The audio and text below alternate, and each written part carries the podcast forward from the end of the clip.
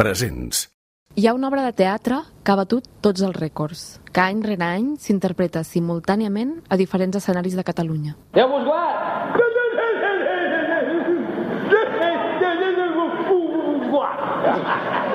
És l'obra en català més representada de la història. Voldríem saber si anem bé per anar a Nazaret.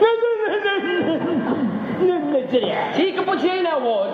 Per Nadal, els pastorets són un clàssic.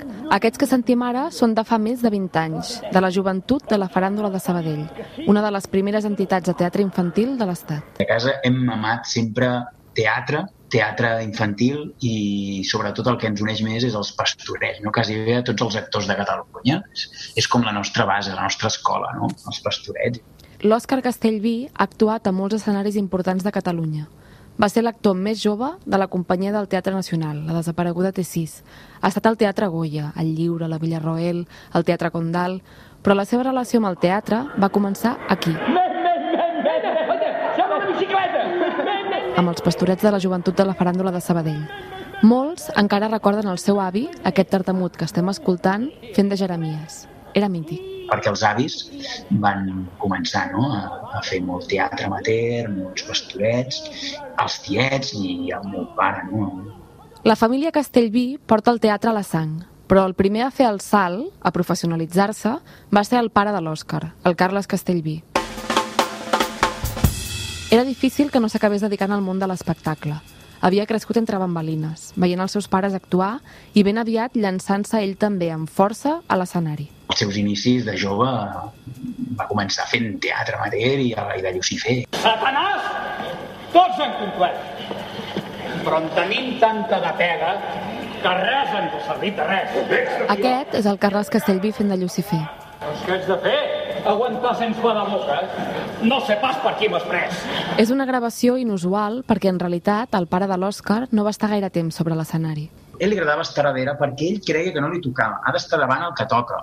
El Carles Castellví feia una feina invisible, a l'ombra, però sense ell, molts muntatges teatrals no haguessin estat possibles a Catalunya. Presents.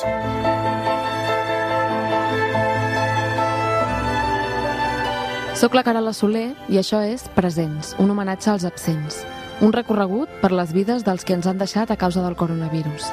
Avui, el record i el tribut és pel Carles Castellví, un home de teatre nascut fa 67 anys, l'any 1953, a Sabadell. Des de ben petit, el Carles Castellví ja apuntava maneres. Ell, quan era petit, tinc entès que amb els seus amics eh, jugaven amb la pólvora i es feien els seus petards, que l'avi l'havia renyat perquè el meu pare jugava en un taller i, i quasi foten a l'aire l'edifici, no?, amb un amic.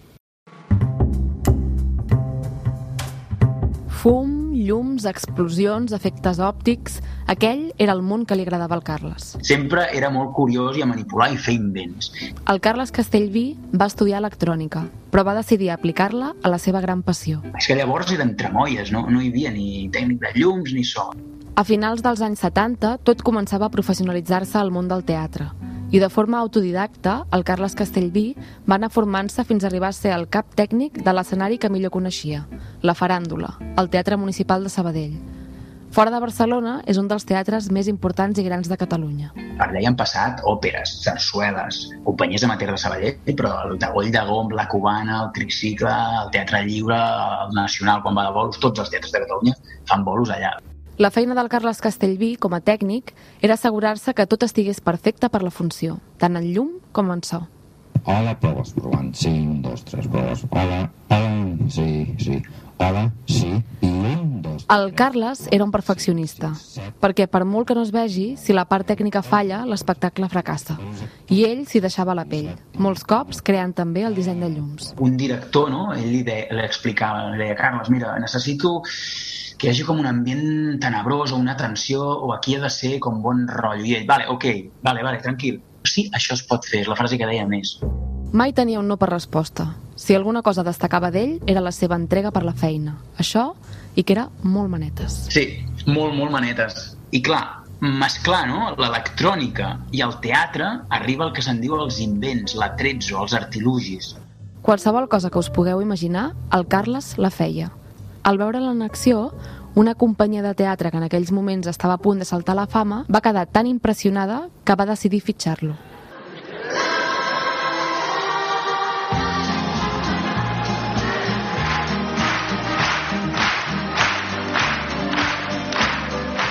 A principis dels 90, el Carles Castellví va ser el tècnic d'escenari del Carles Sans, el Joan Gràcia i el Paco Mir, el trio d'actors més internacional de Catalunya. Va demanar una excedència a la faràndula i es va dedicar a treballar pel tricicle, al moment del seu gran boom va ser protagonista d'alguna forma d'un moment històric de l'escena catalana. S'ho van passar molt bé, fent gira per tot el món amb Eslàstic Terrífic, fent temporada a Madrid, a Canàries, per tot Espanya, al Teatre Tívoli, al Victòria, no? S'ho van passar molt bé. D'aquells tres anys va sortir una amistat de per vida. Tota aquella època es reflecteix el llibre enciclopèdia Tricicle, de la A a la Z, que la companyia va treure al Sant Jordi de 2015. L'Òscar recorda que va anar a que li dediquessin d'amagat del seu pare i la sorpresa se la van portar ell. M'obren el llibre buscant la C de Castellví perquè és com un diccionari. Però Castellví Carles i surt. Ostres, jo no sabia. I surt el pare, no, el llibre. I fan una dedicatòria i eh, diu, ara exactament ben bé no t'ho sabria dir, però és molt bona la definició. Diu Carles, Castellví Carles, 1992, tècnic de la faràndula de Sabell, que va demanar una excedència per enrotllar-se al tricicle durant un parell d'anys. Per si no l'havíeu reconegut, aquest és el Joan Gràcia, del tricicle.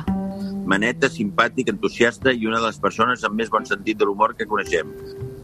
Prova d'això és que sempre va rebre les bromes d'en Joan amb un somriure als llavis. És fundador de, de l'inexistent partit AT, a treballar. Si fos polític seria dels pocs que compliria les seves promeses. Doncs que maco, perquè ara feia temps que no ho llegia i realment penso així. Bueno, et puc explicar. Mm, jo sóc bastant bromista, i amb el Carlitos doncs, sempre ens fèiem bromes. El Joan Gràcia recorda les bromes sobretot a dalt de l'escenari, perquè al tricicle els tècnics apareixen de tant en tant caracteritzats, per fer canvis. Un dia, per exemple, el Carles Castellví estava a escena per fer un efecte de llums, enrotllat amb tot de llanternes. Ell tenia les mans lligades amb unes coses, amb unes llanternes, i jo li, doncs, li, li feia tot tipus de bromes, li tocava el nas, a la calva, el cul, a millor alguna... O sigui que el putejava, mentre ell, d'una manera heroica, aguantava l'escena, perquè si no, no, no, no podia, es trencava l'escena. I després ell me'n feia una, una altra. Em deien que, que, tens, que tenies una forma bastant particular de saludar-lo a vegades? Sí, que li enganxava un xiclet a la calva. Li feia un sempre li feia petons al, al, al, al, al front, però de tant en tant li enganxava un xiclet. I, i llavors ell quan feia un petó feia així i veia que no. I llavors quan estava confiat un dia doncs li tornava a enganxar el xiclet. Formar part d'una companyia de teatre, compartir hores i més hores a dalt i a baix de l'escenari, sortir de gira, és com formar part d'una família. I per ser de la família del tricicle, era imprescindible tenir molt bon sentit de l'humor, però també ser un gran professional. Necessitàvem moltes llums, coses elèctriques, portes que pugessin, que baixessin, explosions, i el Carritos eren manetes, amb això en fèiem construir coses d'aquestes i això, i nosaltres no ens en donem ni compte que no hi ha mai un fallo M'entén? No hi ha mai un fallo, sempre és, sempre és, és la perfecció. Per tant, necessitem tècnics que siguin no bons, boníssims, i, i sense ells no seríem, no seríem res. Però un cop se li va acabar l'excedència, el Carles Castellví va tornar a on creia que feia més falta, a la faràndula de Sabadell. Per nosaltres no has quedat amb nosaltres sempre. Un personatge que m'ha sapigut, bueno, com, com qualsevol amic que, bon amic que perds, no? que et sap greu no, que no el podràs tornar a veure mai més, no? I això és una... Bueno, sí, quan ens trobem un dia tots al teatre de la, de la, de la, del més enllà.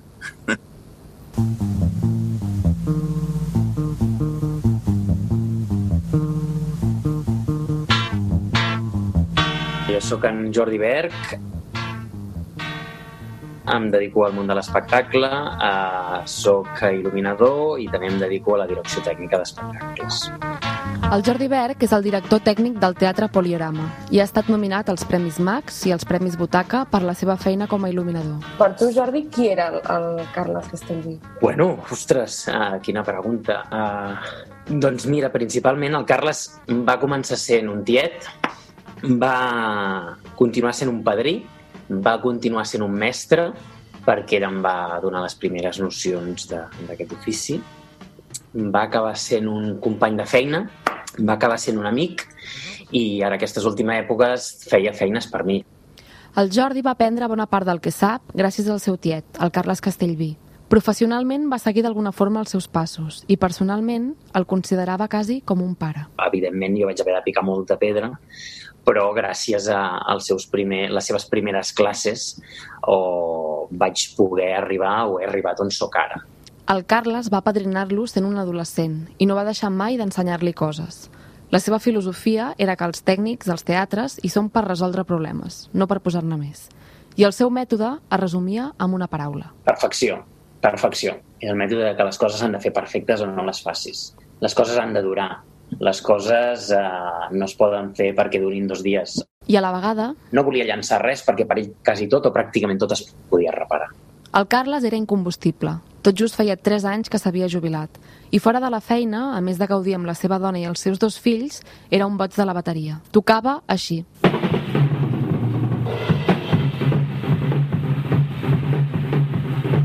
El nom dels grups on tocava amb amics és bastant eloqüent. Els trons, focs... Era un torrent d'energia. I sempre, en un segon pla, lluny dels focus, el Carles Castellví ha sacsejat la ciutat que portava al cor. Quan es parla de cultura Sabadell es parla del Carles Castellví. La seva última creació va ser una carpa de circ. Una cosa que el Jordi Berg, el seu nebot, creu que és molt metafòrica. Al circ normalment hi ha una red de seguretat, no? Uh, pels trapecistes, pels artistes. Doncs el Carles era com, un, era com una red. És aquella que sempre està allà encara que no la veus, però quan la necessites et salva la vida. La feina d'un tècnic teatral és estar a l'ombra, perquè els altres llueixin. Però jo, que vaig conèixer el Carles Castellví, puc assegurar-vos que brillava amb llum pròpia. Tanco els ulls i recordo tan sols El Carles Castellví va morir de coronavirus als 66 anys el 23 d'abril, el dia de Sant Jordi, a l'Hospital Taulí de Sabadell. l'amistat pel sol fet d'estimar-nos. Jo sé que ens hem fet ja més grans. I si n'hi ha que el teu cor estimar-lo... Presents. Un homenatge als absents és un podcast original de Catalunya Ràdio.